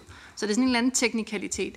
Sådan som jeg forstod det, er også, at, at det, der er behov for, er derfor nogle nye øh, regler i forhold til, hvordan man laver en risikovurdering af de her øh, materialer. Så jeg vil egentlig spørge øh, ministeren, om ministeren kunne, kunne sige lidt om, hvordan man sikrer det, fordi jeg synes, jeg har brugt rigtig lang tid på, og det er voldsomt komplekst det her. Og der er også rapporter, der udstår, og ting, vi ikke ved endnu, og vi kan også se det i høringssvarene, at der er simpelthen for stor usikkerhed til at vide det ene eller det andet. Øh, så det er sådan, og jeg forstår også på ministeren, at, at ministeren er her også lidt tidligt, fordi der måske kommer noget, men at det jo sådan, mm, måske endda bliver en lidt længere proces for at, at sikre noget, noget fornuftigt øh, outcome af det her øh, produkt af det her. Det jeg vil sige også, det er, når vi netop står i en nær fremtid med problemer med at dyrke fødevarer, så er det vigtigt øh, for SF, at det her, øh, den her teknologi er øh, enormt spændende. Men det er også vigtigt, at den her det er en, en, en lille del af en større del af en omstilling af landbruget. Og det er også det, jeg forstod på, øh, på, øh, på, øh, på EU-kommissionen, da vi var nede, og DJ Sandet var vi nede og snakke med dem om, at det her det er en lille del af en større del, for vi skal stadigvæk bruge øh, god landmandsskik, øh, IPM-principper, øh, have sundere øh, jorder, øh, omstille landbruget i det hele taget. Så det er ikke kun et teknologisk quick fix, og så behøver vi ikke at gøre alt andet, og det vil jeg egentlig håber jeg, at ministeren kan bekræfte. Øh, så vil jeg sige, når vi netop står i det her, at fødevareproduktion, altså vi, vi kan jo ikke overleve uden fødevare, vi kommer til at mangle fødevare, og vi får problem med at dyrke dem, så er det et reelt og kæmpe problem, at patentlovgivningen, opdateringen af den, hænger bagefter. For jeg er oprigtigt bekymret for, at vi nu udvikler øh, nogle mega gode fødevarer, som kommer til at være fremtidens fødevarer. De eneste, som måske kan kan øh, dyrkes i det klima, vi, vi ser ind i. Og så sidder der nogle få virksomheder, som er lykkedes med at tage patent på almindelige, øh, øh, øh almindelige genomer og andre ting. Og det synes jeg er en kæmpe udfordring og et kæmpe problem. Og derfor er jeg rigtig ærgerlig over, at de to ting ikke følges ad, fordi jeg er meget bekymret for, at, øh, at der kommer til at være et, øh, et run på at, at tage de her patenter på fødevarer, som burde være os alle sammen. Så vil jeg sige en anden ting. Mærkning af fødevarer øh, tænk øh, fremhæver det også det her med, at, føde, at forbrugerne skal kunne have lov til at se, hvad det er, de spiser. Og når man netop også skal snakke om, om, øh, om, om offentlig accept af de her ting, så er det jo vigtigt, at man kan, kan se, hvad det er, man spiser, og man har mulighed for at vælge til og fra. Og sådan som jeg forstår det, så kan man det ikke med, den, de, med, med, de, med det forslag, der ligger nu. Man mærker øh, øh frøsædene, men ikke fødevarene, sådan så forbrugerne får ikke mulighed for at tage stilling til det. Det synes jeg egentlig også er bekymrende. Det vil jeg høre ministerens øh, øh, kommentar til. Og endelig vil jeg sige, jeg håber lige om lidt at få en gennemgang af, hvordan den her, de her kategorier, særligt altså de her øh, NGT'er, vil blive reguleret og sikret. Men så vil jeg også fremhæve, at der jo også står i, i oplægget, at der vil være en revurdering af det her fem år efter, og den håber jeg, at vi tager, vi tager meget seriøst, fordi at det, øh, det er ukendt territorie på nogle af dem, selvom det er en meget interessant øh, teknologi. Tak. Therese Scavenius. Ja, det vil også bare supplere netop de her, men når man, øh, grunden til patenterne er så vigtig, er det netop det, at vi er inde med sådan helt ejerskabet af alt, hvad vi skal spise. Så det er sådan meget vigtigt, at, der, at, øh, at det netop ikke lige pludselig sidder på nogle meget, meget få hænder i forvejen, at vores fødeproduktion er ret centraliseret. Øh, så jeg kan bestemt ikke søtte mandatet, bare både på grund af det, men også på grund af det her med, at økologi slet ikke bliver fremhævet, det er også blevet nævnt af andre. Og så det her med netop, at øh, der er en risiko for, at vi får flere af de her herbicidresistente fødevarer. Og det betyder så faktisk, at vi ikke er i gang med en, en omstilling af landbruget, men at det er en metode. Det her bliver en metode til at fastholde det gamle landbrug, som har udpint hele jorden, og så kan man ligesom finde, hvordan kan vi gøre det øh, i, i også i en klimaforandret verden, fortsætte med det. Men det synes jeg er en helt forkert vej at gå og harmonere i øvrigt rigtig dårligt med alle de øvrige målsætninger, politikker, EU-ret og så videre, vi har på miljø- klimaområdet øh, med reduktion af pesticider osv. osv. Øh, men det er ret ærgerligt, for der var faktisk noget potentiale i den her nye forordning, som man kunne have indhegnet meget bedre til fordel for miljø, klima og borgerne. Minister?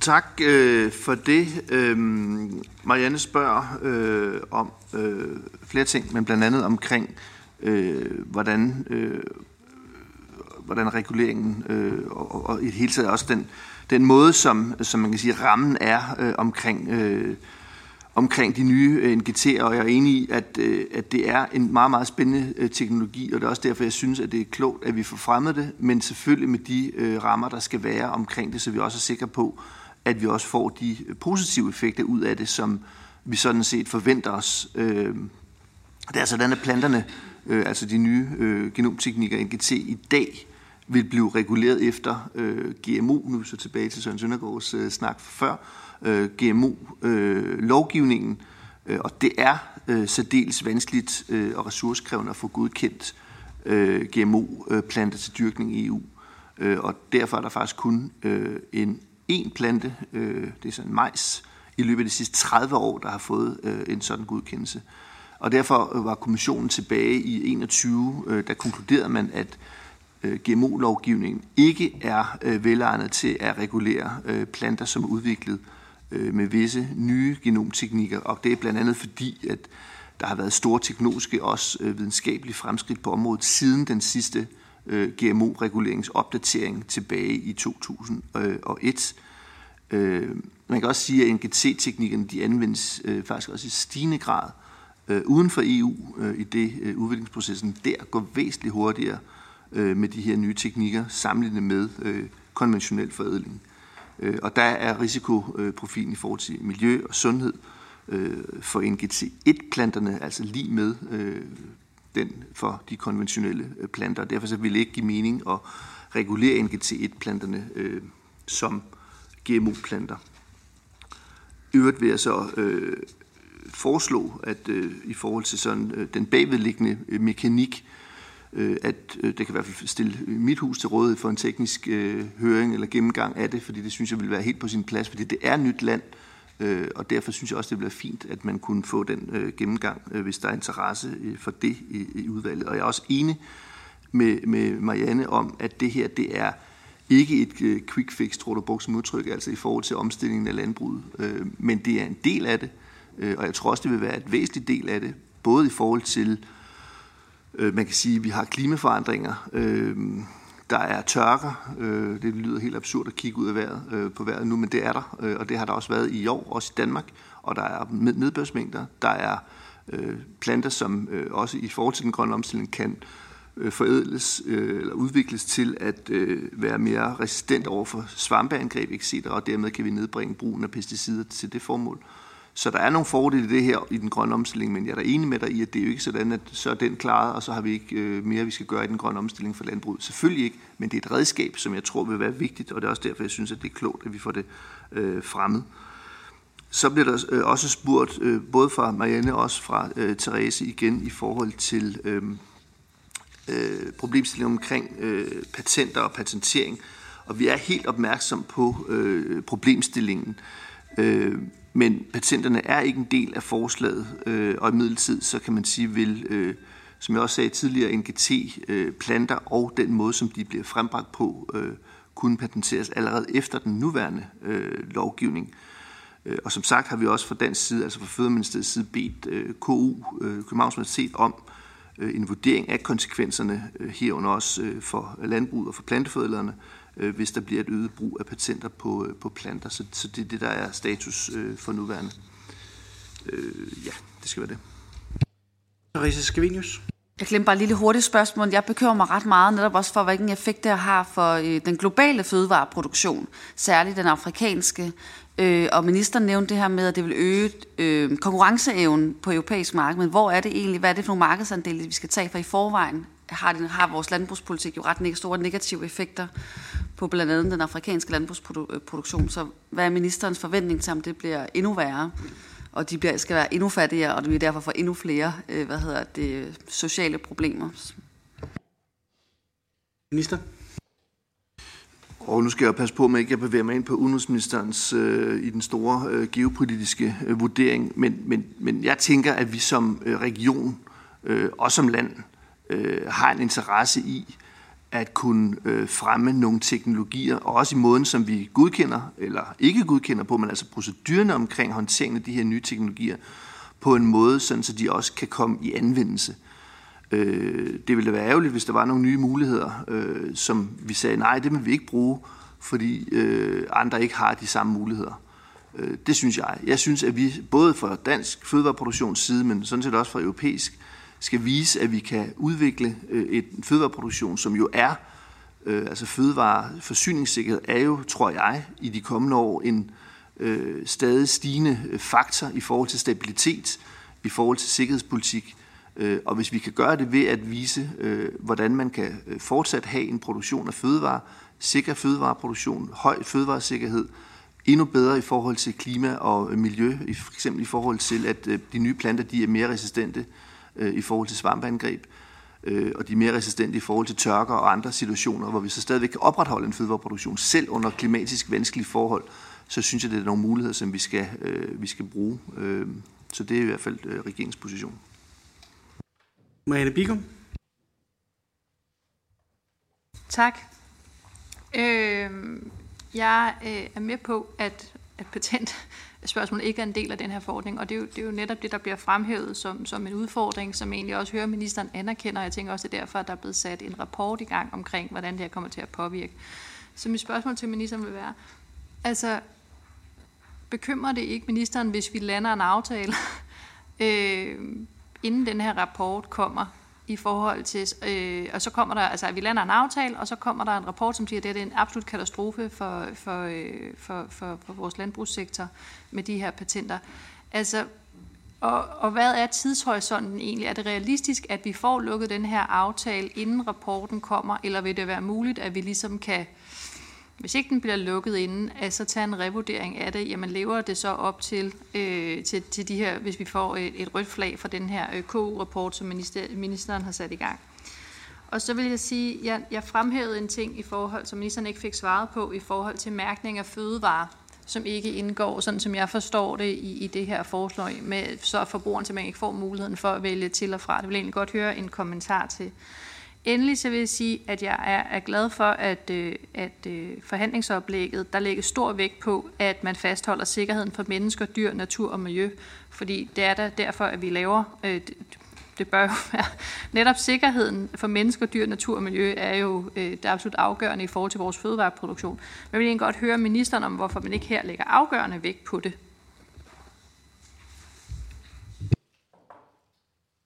Minister?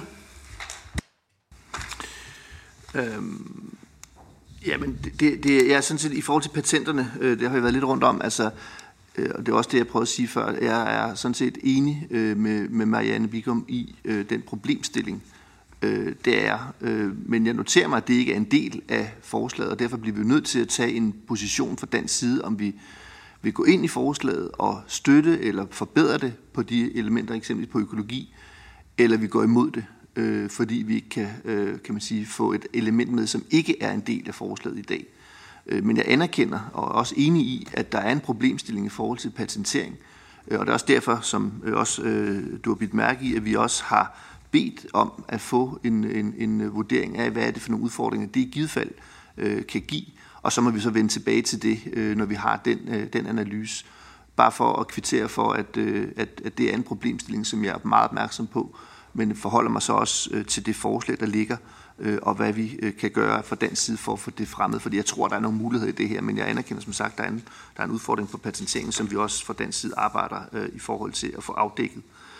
Øhm, I forhold til øh, forbrugerspørgsmål øh, om, at man skal kunne tage stilling til det eller ej, altså man kan sige, der er vi lidt tilbage til den her med, hvad er det for nogle, øh, hvad er det for nogle øh, teknikker, der er blevet bragt i anvendelse, hvad er det for en type produkt, vi har, GMO, ikke GMO. Øh, og her er der jo tale om, at det øh, netop ikke er GMO, men altså det er, øh, kan man sige, plantens naturlige processer, som man så øh, bruger.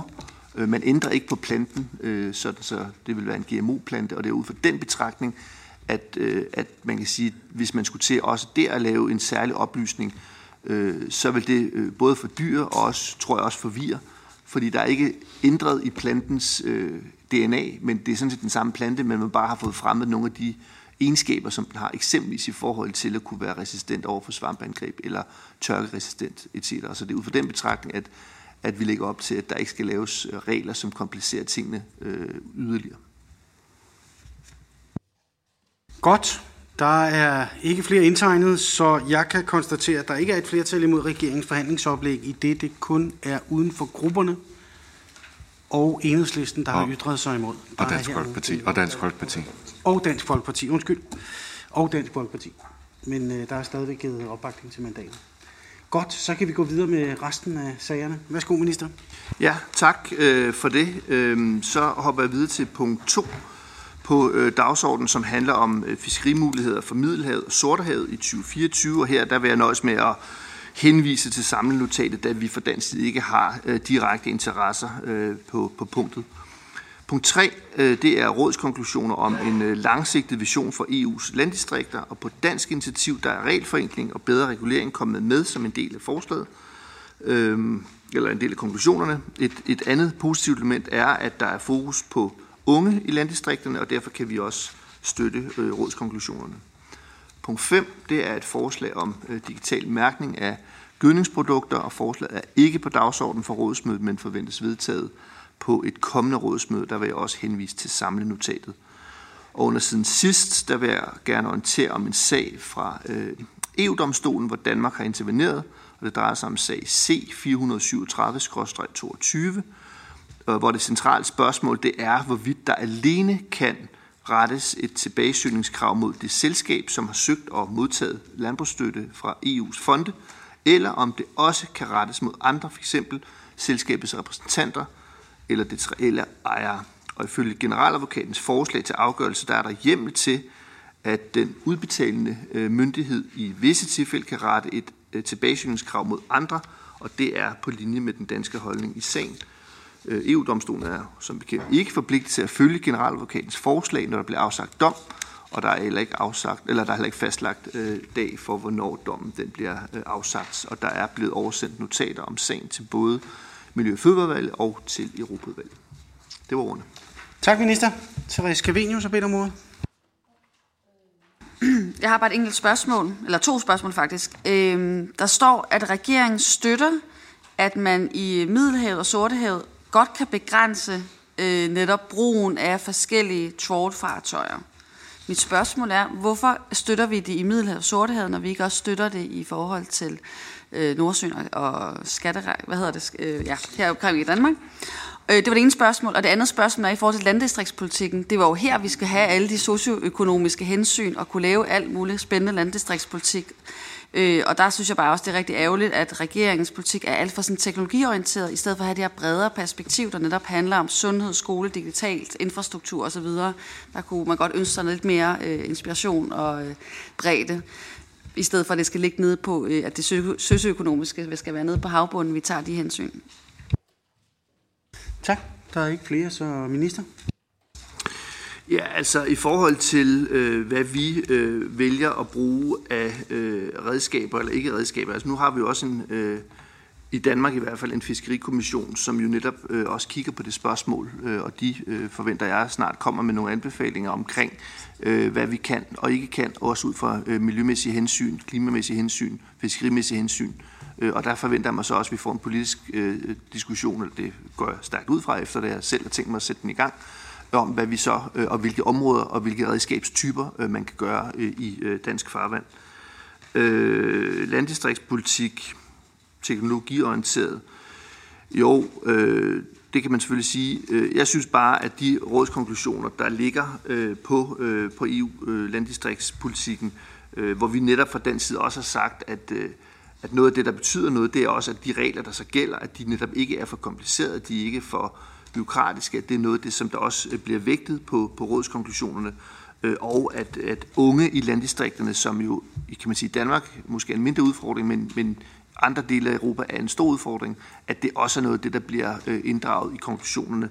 Øh, og så kan man selvfølgelig altid ønske, at det skulle være bredere, men, men som konklusionerne ligger her, så kan vi i hvert fald godt støtte dem.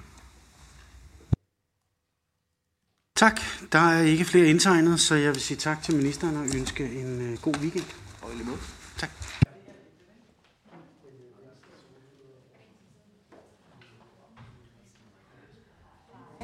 Så er vi klar til at gå videre til næste punkt på dagsordenen. Øh, og jeg skal byde velkommen til digitaliserings- og ligestillingsministeren, der vil forelægge forslaget til Europaparlamentet og Rådets forordning om ændringer af forordningen om europæiske statistikker. Og det er til forhandlingsoplæg, og ordet er dit, minister. Værsgo. Tak for ordet. Jeg har i dag et forhandlingsoplæg med, der drejer sig om en revision af den europæiske basisforordning om europæiske statistikker. Jeg skal for forhånd beklage, at jeg søger forhandlingsmandatet så sent. Sagen kører væsentligt hurtigere end forudsat, og betydeligt hurtigere end tidligere udmeldinger fra det spanske formandskab der pludselig har skruet op for hastigheden og nu forsøger at vedtage en generel indstilling og lukke forhandlingerne allerede inden udgangen af året. Heldigvis er forhandlingerne gået i den rigtige retning for Danmark. I blev orienteret om sagen den 10. november af økonomi- og forsvarsminister Troels Lund Poulsen, og grundet sagens hurtige fremdrift kunne jeg af praktiske årsager desværre ikke selv orientere om sagen. Forslaget har til formål at give bedre rammer for produktion af europæisk statistik, Forslaget udstikker rammerne for, at nationale statistikmyndigheder får mulighed for at bruge nye metoder til at indhente og anvende data i privat besiddelse. Det vil sige digital data, der er genereret som led i virksomhedernes løbende drift. Det kan eksempelvis være scannerdata, korttransaktioner og elmålerdata. Eksempelvis kan lønudtræk ske via virksomhedernes lønsystemer, så det undgås at indsamle de samme data ved hjælp af spørgeskemaundersøgelser hos de enkelte virksomheder. Og herved mindskes indberetningsbyrden betragteligt. Anvendelsen af data i privat besiddelse vil både kunne nedbringe de samlede byrder for erhvervslivet, belyse nye udviklingstendenser i samfundet og effektivisere statistikproduktionen. Udover at forslaget lægger rammer for en balanceret udnyttelse af data i privat besiddelse, lægges der blandt andet op til at etablere en mekanisme for krisehåndtering for at sikre en statistisk belysning af kriser som eksempelvis covid-19, migration og krigen i Ukraine.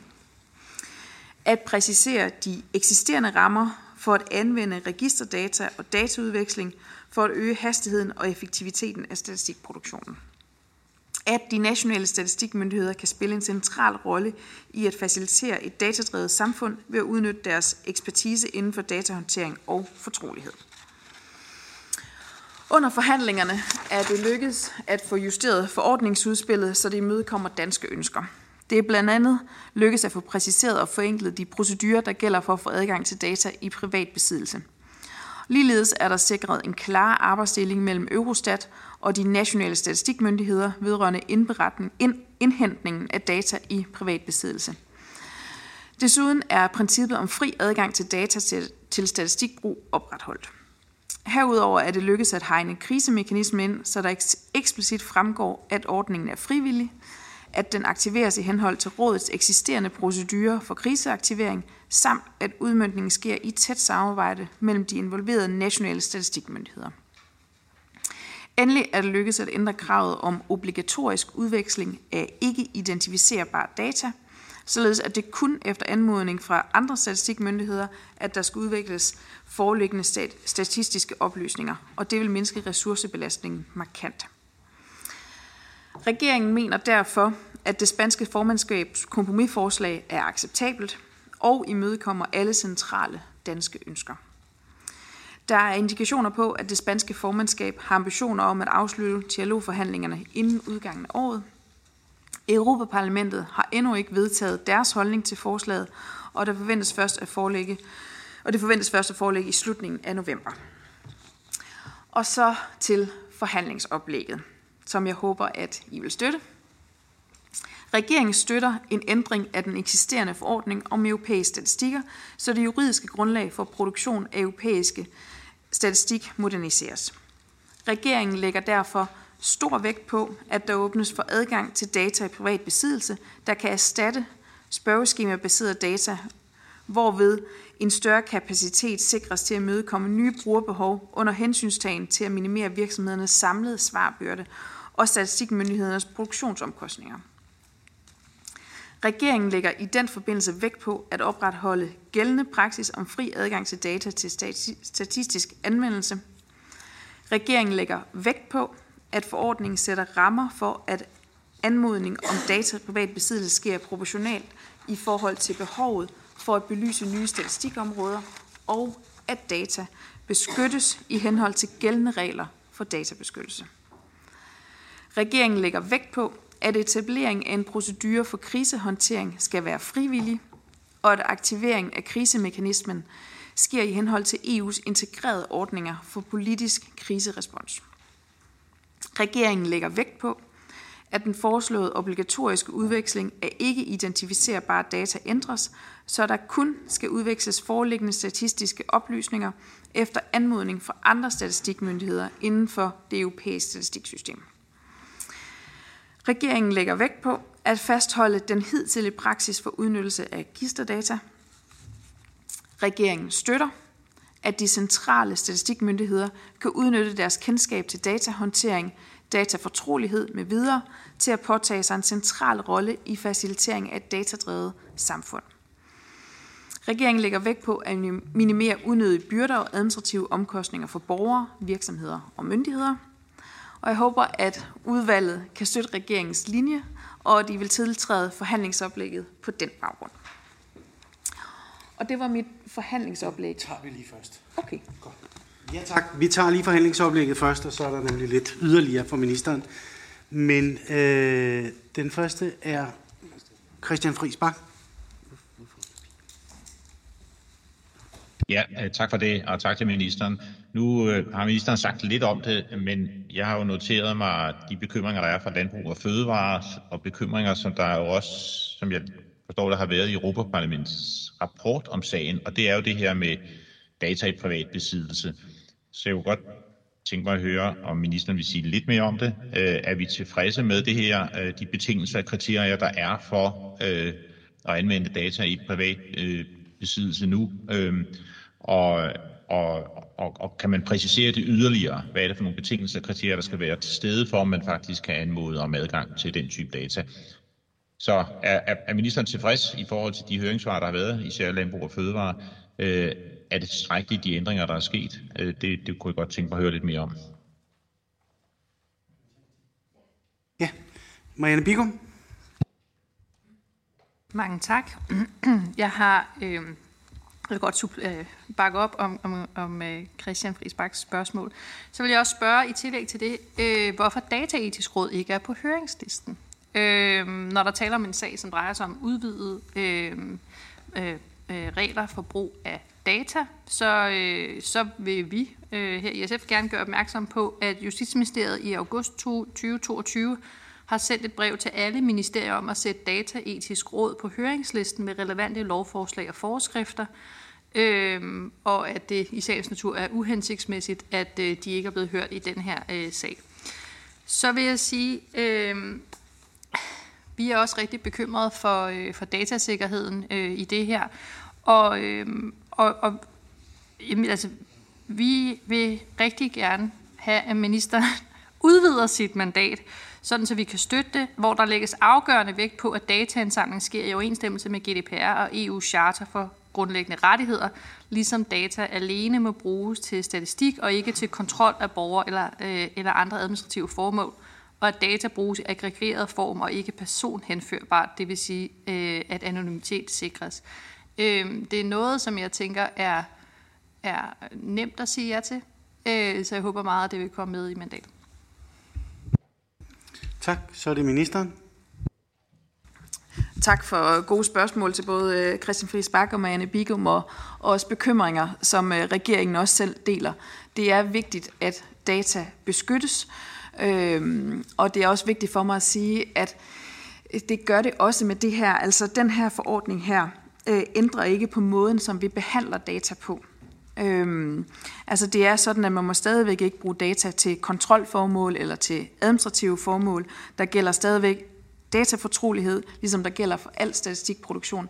Så det ændrer den her forordning ikke på. Øhm, de data, der nu gives adgang til, jamen det er sådan set det er en ny datakilde eller en ny metode, kan man sige. Altså det kan eksempelvis være elmålerdata, eller det kan være administrative lønsystemer. Og det er en anden måde at indhente de data på, som man egentlig allerede har adgang øh, til i dag ved eksempelvis spørgeskemaundersøgelser. Så det er og for at få adgang til de data på en mere effektiv måde. Og det er data, der allerede er der. Altså det er ikke fordi, at man skal ind og producere noget nyt data, men det er en måde at få adgang til dataen på en mere effektiv måde øh, end tidligere. Og derfor kommer det her forslag også til at have nogle samfundsmæssige positive gevinster. Øh, og bare for at svare øh, klart på, på Christians spørgsmål, øh, vi er fra regeringens side tilfreds med den indhegning, man har fået af forordningen, og også i forhold til, øh, til databeskyttelsen. Tak. Så er det Alexander Ryle. Værsgo, Alexander. Ja, mit spørgsmål var det samme som Christian Friis Bak, men, men, øh, men jeg kan måske bare lige supplere det, fordi øh, jeg, jeg kan ikke huske, om Christian var inde på det, men i høringssvaret for Landbrug Fødevare, der, der øh, ligger de jo op til, at det bør præciseres ud fra, hvilke kriterier, der kan anmodes om adgang til, øh, til, til data. Øhm, øh, er, er, det en, er det en holdning, øh, regeringen øh, deler? Øhm, fordi det er lidt uklart i forslaget, øh, hvad det er, man kan få adgang til. Det, det er lidt som om, at at man breder sig øh, ret meget. Øhm, så ja, bare en kommentar til det. Tak.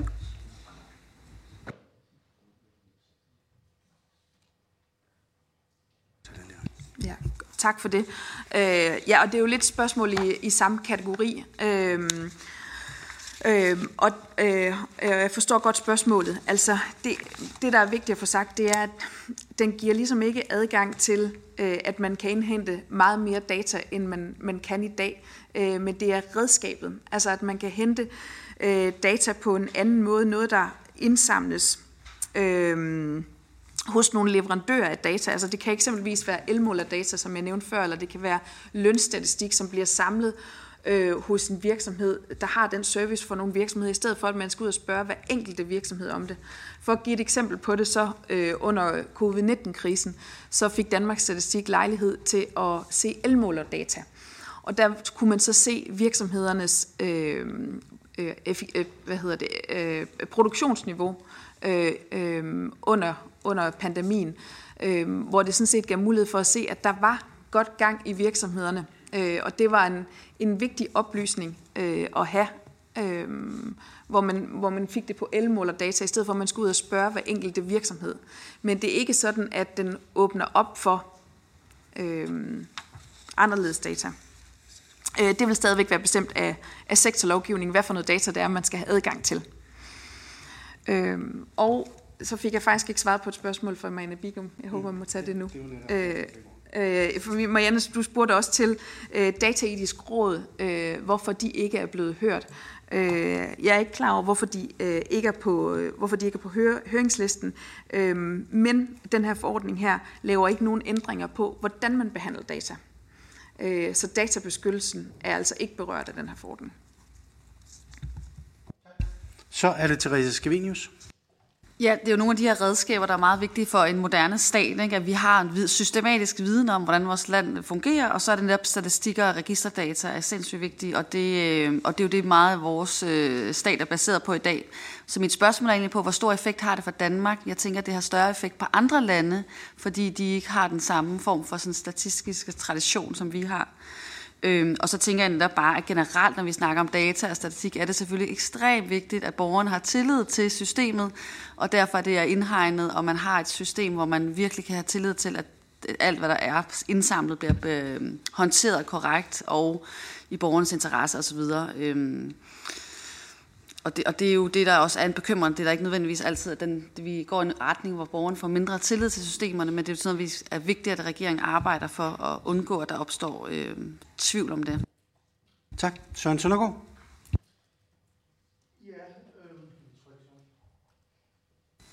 Ja, øhm, jeg, jeg synes ikke, ministeren helt svarede på spørgsmålet fra SF, eller ønsket fra SF, øh, om at der blev lagt afgørende vægt på, på spørgsmålet om GDP's-reglernes overholdelse og respekten for, for øh, charteret for grundlæggende rettigheder.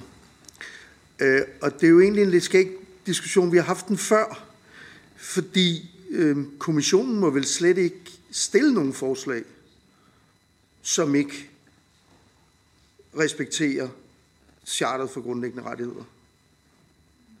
Altså, kommissionen er jo traktatens vogtere, og de må vel ikke stille et forslag, som ikke er i overensstemmelse med charteret. Og derfor tænker jeg, at hvis nu at det her var et lukket møde, og ikke et åbent møde, og noget med forhandlingstaktik, og hvad ved jeg, så ville det være fuldstændig uproblematisk for ministeren at sige, ja selvfølgelig, vi lægger afgørende vægt på, øh, at øh, grund, charter charteret for grundlæggende rettigheder overholdes, fordi det ligger, så at sige, i selve teksten. Må ligge i selve teksten. Eller hvad? Så er rummet ikke lukket, men åbent, og så plejer der at komme en eller anden mystisk ind om, at så noget med forhandlingsmandater osv., men kan, kan vi ikke få ministeren til at sige, at grundlaget for det her forslag, det er, at charteret for grundlæggende rettigheder overholdes, også sådan set GDPR-reglerne, og det er forudsætningen for, at man fra den side overhovedet kan gå ind i en diskussion om det her forslag. Minister? Tak for det. Og først, først til Teresa, der spørger til, hvilken effekt øh, har den her forordning. Øhm, og, og det forordningen skal, jamen det er sådan set at give en mere effektiv måde til at indsamle data på. Altså at man kan få det eksempelvis fra noget elmålerdata eller noget centralt øh, produceret øh, løn. Øh, det kan være administrative lønsystemer fra virksomhederne. Og derfor har det jo den effekt, at det kan reducere svarbyrderne øh, hos de enkelte virksomheder, og sådan set også deres indberetningsomkostninger. Så derfor har det også en betydning øh, for Danmark og danske virksomheder, øh, og, en, og en samfundsmæssig positiv betydning i den henseende. I forhold til tilliden til data, jamen der er der ikke nogen ændringer overhovedet. Der gælder den samme databeskyttelse, den samme behandling, de samme regler. Øh, så derfor øh, har det heller ingen betydning for tilliden til indsamling af data. Det er alene metoden, data bliver indsamlet på. Øh, det er vi, vi, vi i hvert fald trygge omkring. Øhm, og så til Søren Søndergaard, øh, der spørger ind til det her også med databeskyttelse. Øhm, altså i vægtningen, ja, der, der ligger vi vægt på, at databeskyttelse i henhold til de gældende regler for databeskyttelse. Og det er jo helt rigtigt, øh, som Søren Søndergaard siger, at selvfølgelig skal den her forordning øh, Øh, overholde charteret for grundlæggende rettigheder. Og det følger allerede af forslaget, og derfor er det heller ikke et, et issue øh, i forordningen, øh, og vi har ikke fundet det nødvendigt at skrive yderligere øh, end det i forhandlingsoplægget.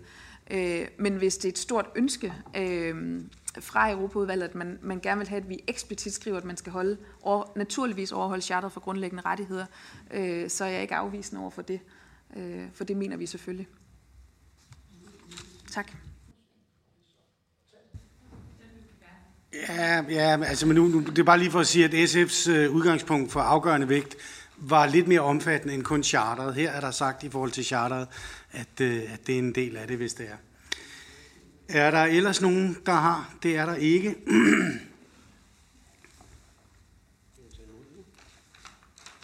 Så kan jeg konstatere, at, øh, at Marianne Bigum har bedt om ordet. Ja, tak. Jamen altså, øh, jeg vil gerne takke for det der. Det, jeg nævnte ud over charteret, det var GDPR. Det tænker jeg også, at vi er glade for. Så derfor synes jeg ikke, det var meget mere omfattende, end det, jeg bad om. Men jeg hørte også minister...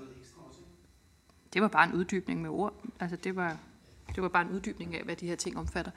Øhm, men jeg hørte også ministeren sige, hvis det var et stort ønske fra Europarådet. Og altså, jeg tror i hvert fald, vi er to øh, udvalget, men jeg ved ikke, hvor andre er. Øh, så jeg ved ikke, om det er kommet med eller ej. Det tror jeg godt lige at være en opsummering på, fordi det... Minister? Godt, ja. Tre. Jeg, tæl, jeg tæller fire. Øh, jeg, jeg tror gerne, jeg vil, jeg vil konstatere, at jeg, jeg opfatter det som et, et stort ønske fra Europaudvalget, at vi, vi udbygger det i forhold til, at data skal beskyttelse, med at nævne, at selvfølgelig skal charteret for grundlæggende rettigheder øh, og GDPR også overholdes. Så det vi justerer vi. Med de faldende bemærkninger fra ministeren, så kan jeg konstatere, at der er ingen, der har ytret sig imod forhandlingsoplægget, så der er hermed givet mandat på den del. Og med afslutningen af forhandlingsoplægget, så kan vi gå videre til ministerens resterende sager. Værsgo. Mange tak for det. Og så vil jeg gerne under siden sidst øh, kort orientere om en anden sag på statistikområdet, og, og så også en smal ændring af forordningen om cybersikkerhed. Så to sager. Den første sag handler om forslaget til forordning om arbejdsmarkedsstatistikker om løn og ledige stillinger for virksomheder. Kommissionen fremsatte forslaget den 31. juli i år, men forslaget har endnu ikke været behandlet i rådet. Forslaget har til formål at etablere en fælles europæisk ramme for arbejdsmarkedsstatistik for løn og ledige stillinger i virksomheder. Forslaget lægger op til at samle eksisterende lovgivning på området i en opdateret fælles rammelovgivning, at omfatte alle relevante brancher og sektorer, at sikre sammenlignelig statistik på tværs af medlemsstater og statistikområder. Regeringen følger forslaget tæt, og jeg forventer, at jeg, øh, jeg, at jeg forelægger sagen for udvalget med henblik på at søge forhandlingsoplæg allerede den 1. december.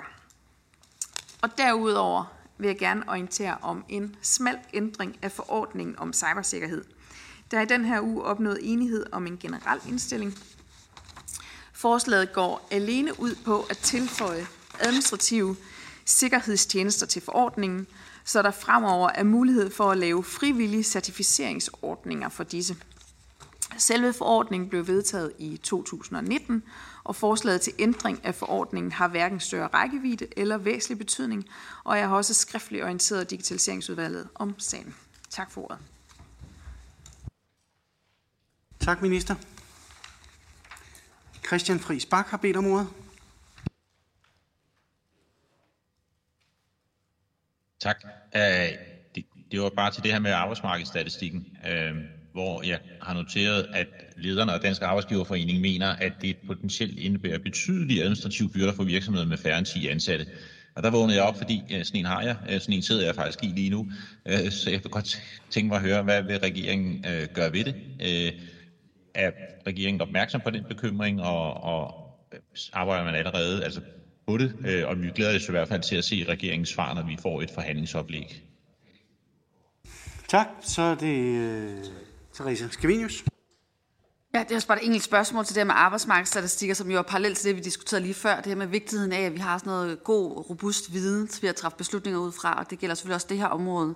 Øhm, så jeg synes, det er rigtig øh, godt, at man arbejder på det. Øh, jeg undrer mig bare, at der stod, at øh, landbrug og fiskeri er undtaget fra den, de her lønstatistikker, og så vil jeg bare høre, om ministeren kan for, spørg, sige, om det er rigtigt forstået af mig, og hvis, hvis det er rigtigt, hvorfor?